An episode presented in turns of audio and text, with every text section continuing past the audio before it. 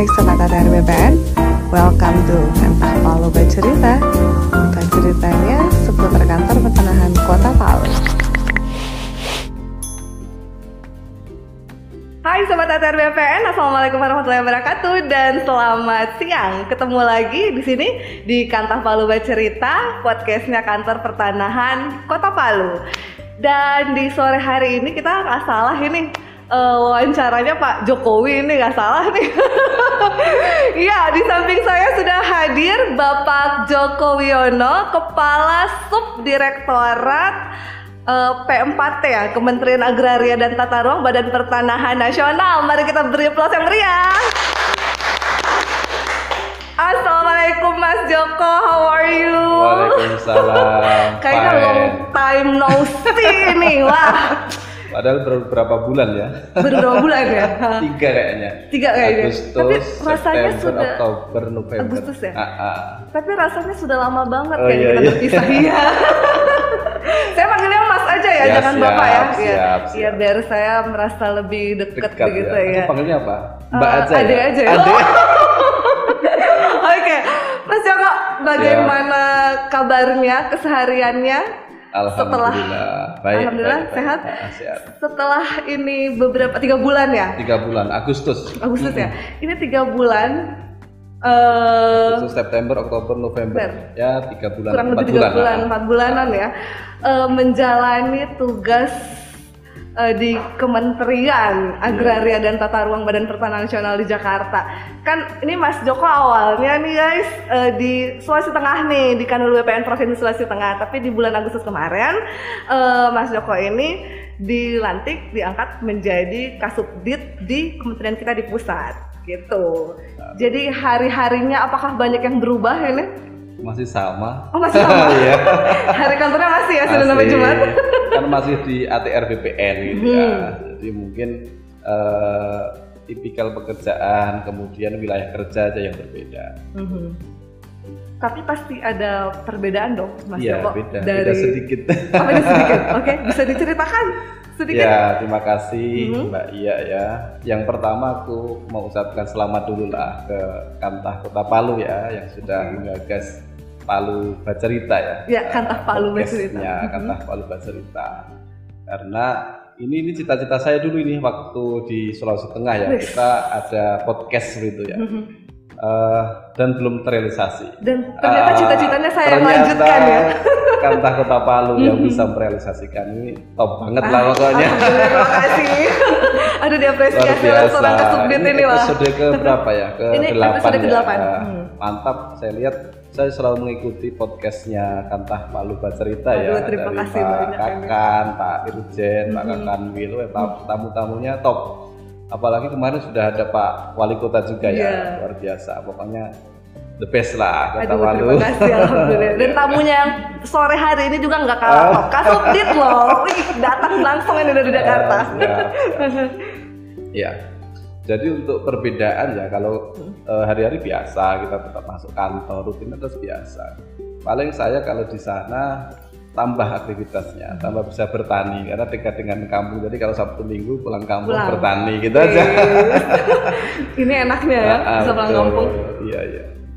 Kemudian untuk eh, tipikal pekerjaan ya beda ya antara kita di daerah dengan di pusat ya. Kalau di di pusat secara tipikal pekerjaan kalau di daerah itu kan kita lebih pelayanan publiknya langsung ke masyarakat. Mhm. Misalkan dulu ketika eh, saya di Kanwil BPN Provinsi Sulawesi Tengah, eh, kita langsung berjumpa dengan ma- masyarakat. Misalkan kita mel- melaksanakan kegiatan eh, redistribusi tanah, ya Mhm. sertifikat eh, tanah yang diberikan kepada masyarakat petani di pedesaan. Jadi langsung Mhm. kita eh, bersinggungan langsung dengan masyarakat.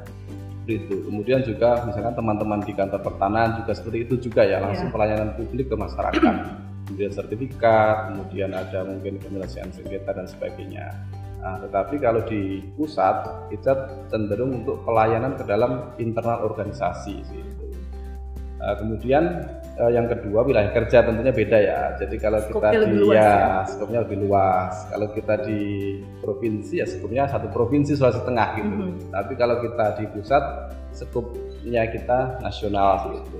Jadi kita uh, semua provinsi menjadi uh, wilayah kerja kita, termasuk melaksanakan mungkin uh, evaluasi ataupun monitoring pekerjaan kegiatan uh, pertanahan itu aja bedanya.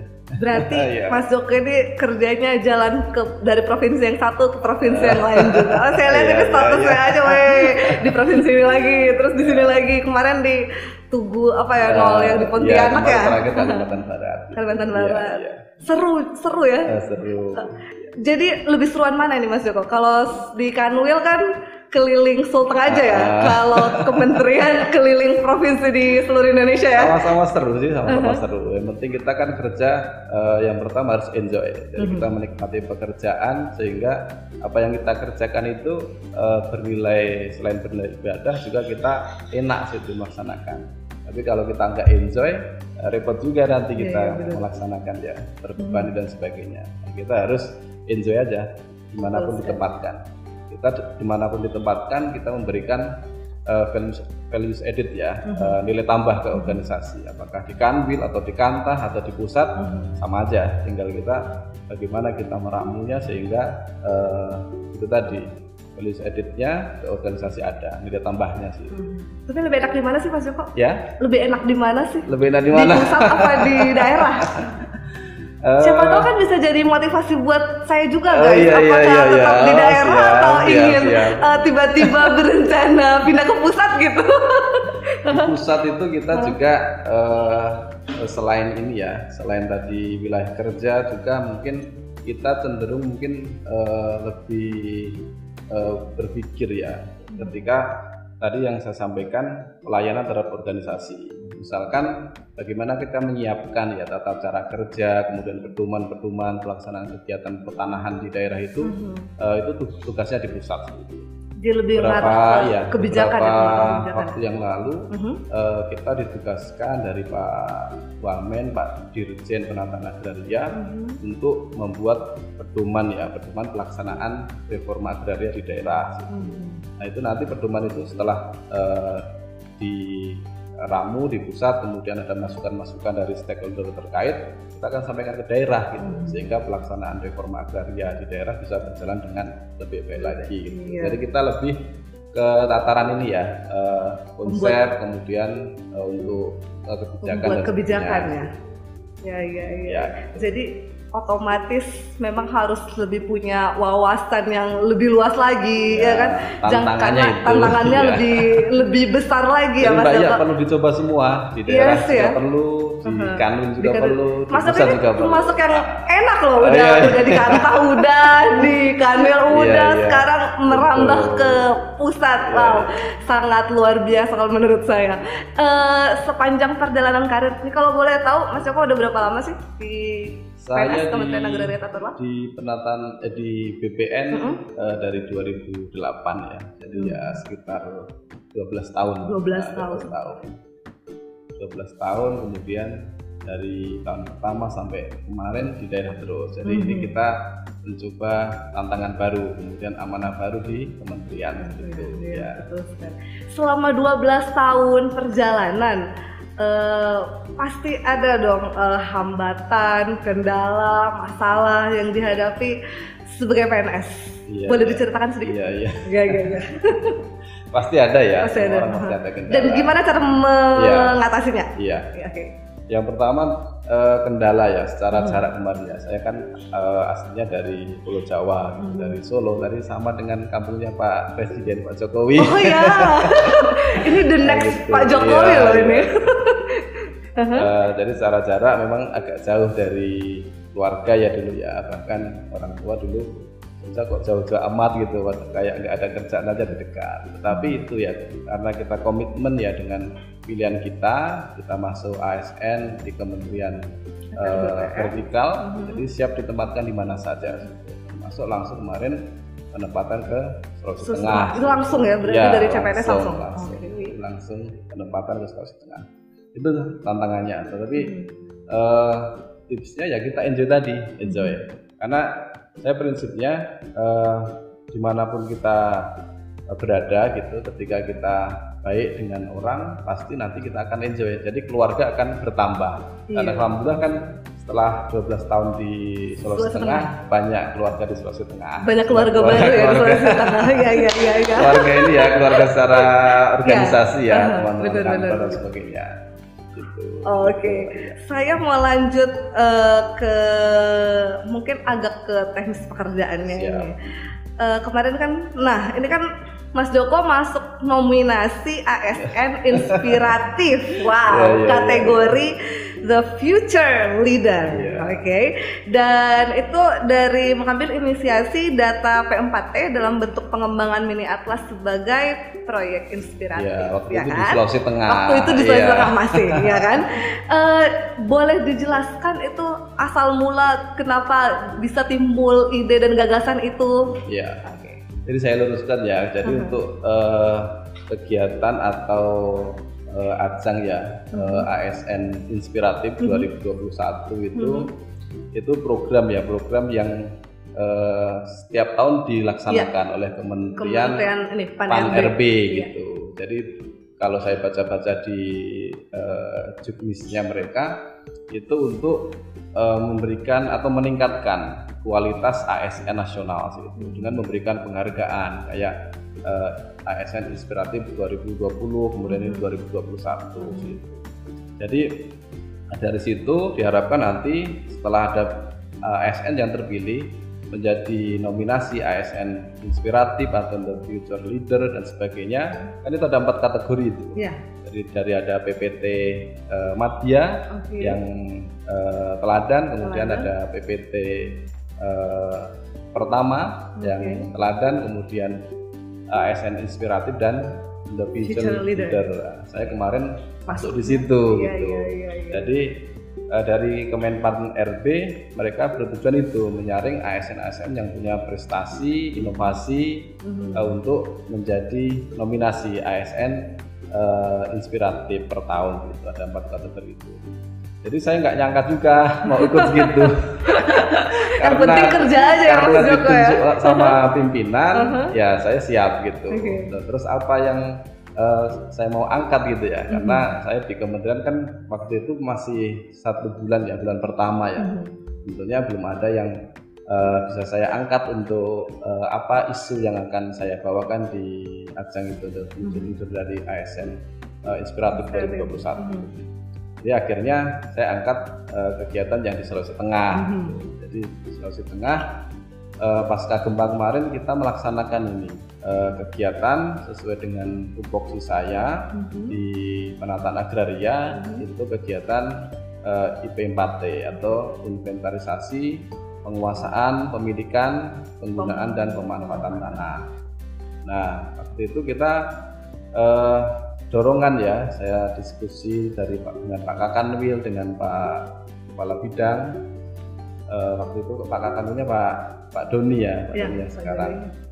Jadi mendorong ya, bagaimana eh, kegiatan IP4T itu eh, jangan IP4T yang biasa-biasa saja, Mhm. nah, termasuk dari Pak Kepala Bidang waktu itu. Dan sekarang Pak Kepala Bidangnya jadi Kepala Kantor Kota Palu nih, ya? mantap kan?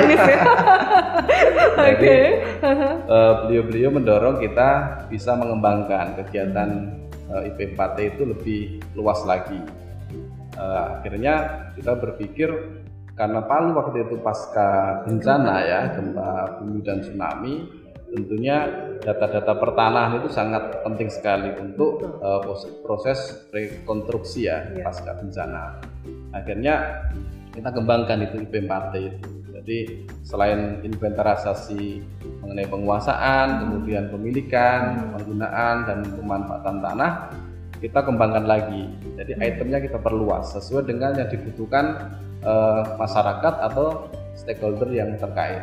Misalkan kemarin kita me- mendata mengenai eh, kondisi bangunan, kerusakan bangunan. Kita kita Sampai data. bangunan Iya, bangunannya ya? bangunan. Mhm. Kemudian kita juga data eh, kesediaan mereka untuk eh, relokasi, mau atau Iya. tidak gitu loh. Pasca Oke. bencana kan ada ini masyarakat yang kadang-kadang ibu mau direlokasi ke hunian tetap atau Mhm. hunian sementara, mau. ada yang mau, ada yang Oke, yes gitu. oke. Jadi itu latar belakangnya.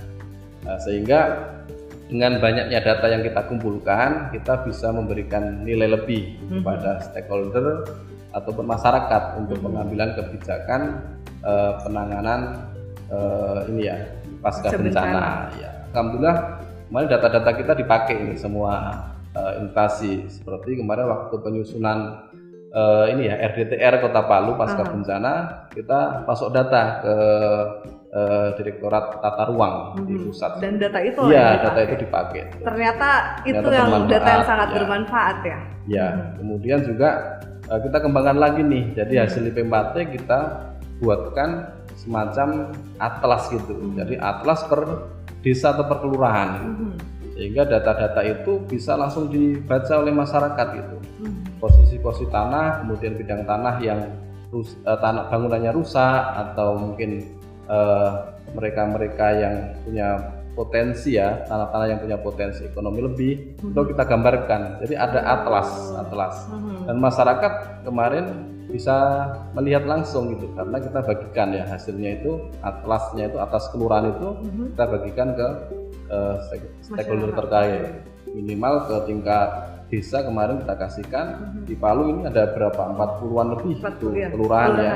Eh, dan itu sudah diserahkan semua, Diserahkan semua. Ya, gitu. Dan ternyata itulah yang yang sangat bermanfaat Ya, dan itulah yang ya, mendorong ya. bisa kemungkinan masuk. eh, itu kemungkinan itu karena dari ajang ASN Inspiratif 2021 kemarin yang mendaftar itu ada sekitar 1621 nasional. Dari ribuan Ya, loh, Mas Joko ini masuk nominasi dan Kemarin alhamdulillah masuk eh, tahap kedua Selanjutnya. ya, tahap kedua. Jadi sudah bersaing 100 orang dari 1621 orang. Ya, wow 100, mengalahkan 1600-an ya. dan tinggal 100 lagi ya. Pokoknya kita doakan ini lanjut terus dan bakal terpilih dong eh, Sobat ATR. BPN menjadi the future leader Iya, yang mewakili Kementerian Agraria dan Kita Tata harus Ruang. yakin nih Indonesia Timur itu nggak kalah gitu loh Yes. dengan Indonesia Barat gitu ya. Betul sekali. Pokoknya kita tetap mendukung ini pokoknya ya siap. Mas Joko. Eh di ini kan masih mau masuk ke tahap berikutnya, Iya. ya? tahap wawancara lagi ya Iya. berarti. Jadi masih ada dua tahap lagi kemarin dari Oh, panitia. Mhm. verifikasi ke instansi. Mhm. eh, nanti dari panitia melakukan verifikasi ke instansi Mhm. pimpinan eh, terkait dengan apa yang diajukan kemarin dari peserta. Kemudian yang kedua tahap presentasi dan wawancara. Mhm. Jadi kalau sudah itu sudah eh, selesai. Selesai. Ya. Pokoknya kita doakan Mas Joko masuk ke menjadi salah Doakan satu yang terbaik. ASN yang masuk menjadi ASN eh, eh, inspiratif, the future leader, yes. Hmm. Eh, untuk menghadapi tahap berikutnya, Mm-mm. mau ke tahap wawancara nih, udah ada persiapan kah? Belum ada nih. Ini belum ada persiapan, udah begini nih, apalagi kalau ada persiapan ya? Karena eh, untuk tahap wawancara sama presentasi tunggu tahap ini yang verifikasi ya, verifikasi lapang nanti dari panitia akan melakukan verifikasi dulu. Jadi ke eh, instansi, kemudian ke lembaga terkait terkait dengan eh, apa yang sudah kita sampaikan ke panitia. Kalau sudah lolos itu eh, kita baru masuk tahap presentasi wawancara. Jadi kita nunggu aja ini. Oh, tinggal nunggu Iya, aja. nunggu nunggu tahap, tahap kedua. Tapi ini bisa jadi salah satu motivasi buat ASN-ASN di luar sana ya Mas Iya. Joko eh, bahwa kita itu harus selalu mengembangkan inovasi apa yang ingin dikerjakan apa ya seperti itu ya Iya, sehingga iya. eh, nanti ke depannya bisa masuk menjadi nominasi nih seperti Iya. Mas Joko. Yes. Sebenarnya ini ajang ini untuk ASN secara nasional ya. Iya. Cuma kemarin apakah informasi itu nggak sampai ke daerah atau gimana? Sebenarnya talenta-talenta di daerah dari BPN banyak sekali nih. Saya eh, banyak itu inovasi-inovasi yang dikembangkan ya teman-teman di Kantah. Termasuk ini Kantah Kota Palu nih, guys. Bikin podcast ini mantap. Iya. Baru satu-satunya loh di Sulawesi Tengah. Aduh. Aduh jadi malu ini saya ini. Oke.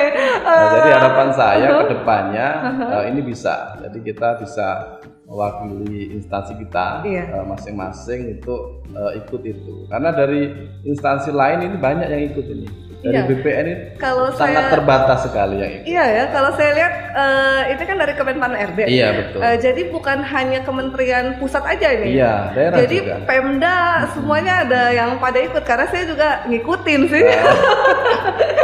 Nanti Mbak Iya harus ikut tahun depan nih. Udah nggak bisa deh. Karena itu batasnya tuh 37 ya? 37 Enggak, 3 Enggak ya? Oh, bisa ya? Yang AN, Ya, saya masih 17 Inspiratif kok, pemirsa, Iya kan masih khawatir. 17. Oke. Ya, harus ikut ya tahun depan ya. Oh, nanti kan. makanya saya harus makanya saya harus wawancara Mas Oh, Yoko. ini gitu mau ya, nyontek ya. saya ceritanya. Oke, dan em, next kira-kira ke depannya setelah Mas Joko ada di pusat nih, eh, terpikirkankah udah inovasi-inovasi apa lagi yang pengen dikerjakan? Iya. Kalau saya prinsipnya Mhm. eh, kerja aja, kerja yang baik itu eh, ketika ada apa yang itu tadi ya bisa kita berikan nilai lebih ke organisasi kita berikan. Eh, namun untuk eh, saat ini dengan tupoksi saya, jabatan saya di eh, ini ya di kasus di pengelolaan data PM4T, penguasaan pemilikan, penggunaan dan pemanfaatan tanah. Mhm. Jadi itu kita diminta untuk eh, membuat database ya, database untuk Tora. Tahu enggak Oh, Tora? Tora. Tora itu Tanah, objek, Objek reforma, reforma agraria. ya. Kalau saya perhatikan di podcast sebelumnya ya dengan Pak Kabit ya, Ya, nah, itu sudah betul. dibahas kupas tuntas lah tentang eh, reforma agraria. Iya. Gitu. Jadi eh, di tempat saya diminta menyediakan database, jadi Mhm. database tanah objek reforma agraria. Jadi tanah reforma agraria itu tanah-tanah yang akan kita eh, berikan kepada masyarakat. Apakah itu melalui legalisasi aset atau Mhm. redistribusi tanah? Oke. Jadi bisa berasal dari pelepasan kawasan hutan, Mhm. bisa berasal dari eh, HGU yang sudah berakhir Iya. atau HGB yang sudah berakhir, atau bisa juga dari tanah timbul nih, dari yang gumuk-gumuk pasir di pinggir pantai itu. Jadi akan muncul itu ya. tanah ya, Ah, Nah, ah, itu ah. bisa, Bisa untuk juga kita redistribusikan Hmm. kepada masyarakat yang belum punya tanah. Mhm. Nah, tantangan eh, di tempat kami, di tempat saya yang sekarang ini adalah eh, database ini eh, bisa terkelola dengan baik ke depannya. Mhm. Jadi berapa data-data itu semua? Jadi eh, pelepasan kawasan hutan berapa? Kemudian dari HGU yang sudah berakhir berapa? Gitu Yang ya. siap dibagikan ke masyarakat melalui redistribusi tanah. Mhm. Itu kita akan himpun, kemudian di follow Mhm. Nah, data setelah diberikan sertifikat kepada masyarakat ditindaklanjuti dengan penanganan akses gitu, Mhm. yaitu pemberdayaan masyarakat. Jadi data-data itu semua nanti yang akan kita himpun kemudian disajikan di eh, website. Mhm. Jadi kita punya di eh, kementerian itu ada yang mana namanya Siktora. Mhm. Jadi nanti bisa dibuka ya Buka dari teman-teman ya. Kantah Iya ya iya iya. nanti uh, www.siktora.go.atrbpn.id. Oke. Nah, jadi itu data-database Tora nasional di situ. Mhm. Jadi berapa pelepasan kawasan, kemudian berapa HGU yang sudah berakhir, dan yang sudah diredistribusikan tanah berapa, Berapa. itu ada. Nah, itu senantiasa kita update. Tantangan kami di tempat saya seperti itu. Jadi bisa menyajikan data itu secara valid, secara cepat. gitu. Dan real time ya. Ya, real Ya. time. betul. Jadi ternyata Kementerian ATR BPN ini punya begitu banyak program-program betul. eh, yang bisa memudahkan masyarakat ya Mas Joko yang eh, kayak tadi memberikan tanah untuk masyarakat Iya. ya. Jadi untuk kesejahteraan masyarakat juga Siap. ya. Berarti melalui makanya kita harus punya banyak platform untuk Iya. eh, sosialisasi program-program BPN salah satunya melalui podcast ini. Iya. Ya jadi orang tahu oh ternyata BPN itu punya program-program seperti itu Iya, ya. betul. Iya. Jadi tidak semata-mata ini ya kita ngurus sertifikat ke Iya. kantor pertanahan ya, tetapi ada program pembagian tanah nih Pembagian dari tanah juga, tuh, guys. redistribusi tanah Mhm. dan sudah banyak eh, yang kita bagikan eh, Mhm. ke masyarakat Jadi- program redistribusi tanah. Tuh, berarti BPN memang bukan cuma tempat buat sertifikat Iya. aja ya Mas ya. Ternyata memang banyak program-program Iya. eh, yang dibuat oleh kementerian kita untuk uh, bagaimana meningkatkan kesejahteraan Betul. masyarakatnya. Akhirnya itu karena memang tujuan reforma agraria kan untuk kemampuan uh, rakyat Oke. gitu. Jadi dengan uh, pembagian tanah dari eks kawasan hutan, Mhm. kemudian mungkin dari eks HGU Mhm. gitu, kita akan memberikan akses ekonomi kepada masyarakat sehingga masyarakat nanti bisa uh, mandiri, Mhm. tumbuh dan sejahtera dan akhirnya tadi kemakmuran yang merata dan adil. Iya, betul Tuh. sekali. Wow. Tepuk tangan dulu untuk Kementerian Agraria dan Pertanian. Ini sangat menarik. Saya tuh Iya. masih sebenarnya masih punya banyak pertanyaan lagi yang ingin digali. Cuman nanti kalau kepanjangan jadi nggak asik lagi Iya, ya Mas Joko ya. Nanti kita coba undang lagi. berikutnya ya. Iya. masih diundang. nanti kita undang lagi. Nah, bicaranya di podcast Kantah Palu Bacerita mantap-mantap. Iya dong harus. Jadi kita sekaligus eh, sosialisasi program-program Iya. dari Kementerian ATR BPN itu sendiri. Mantap. Baik, sobat ATR BPN, eh, sebelum kita menutup podcast kita pada sore hari ini, eh, kita mau minta last statement nih Iya. dari Pak Jokowi Iya. untuk memotivasi ASN di Kementerian Agraria dan Tata Ruang. Apa ya? Eh, jadi itu tadi yang saya sampaikan bahwa ya kita kerja sebaik-baiknya ya sebagai ASN karena kita sudah digaji dari negara dengan menggunakan. Tapi untuk motivasi eh, kira-kira yang pertama kalau saya, jadi anggap tanamkan dalam diri kita itu bahwa eh, bekerja dan ibadah itu yang pertama. Kemudian yang kedua, kalau saya memotivasi diri saya sendiri itu eh, bagaimana hari ini itu harus lebih baik dari hari kemarin. Ya. Jadi ketika nanti kita di mana pun ditempatkan bertugas, eh, we can contribute so much gitu. Jadi kita bisa berkontribusi lebih banyak eh, kepada organisasi, kepada masyarakat, tentunya kepada bangsa dan negara.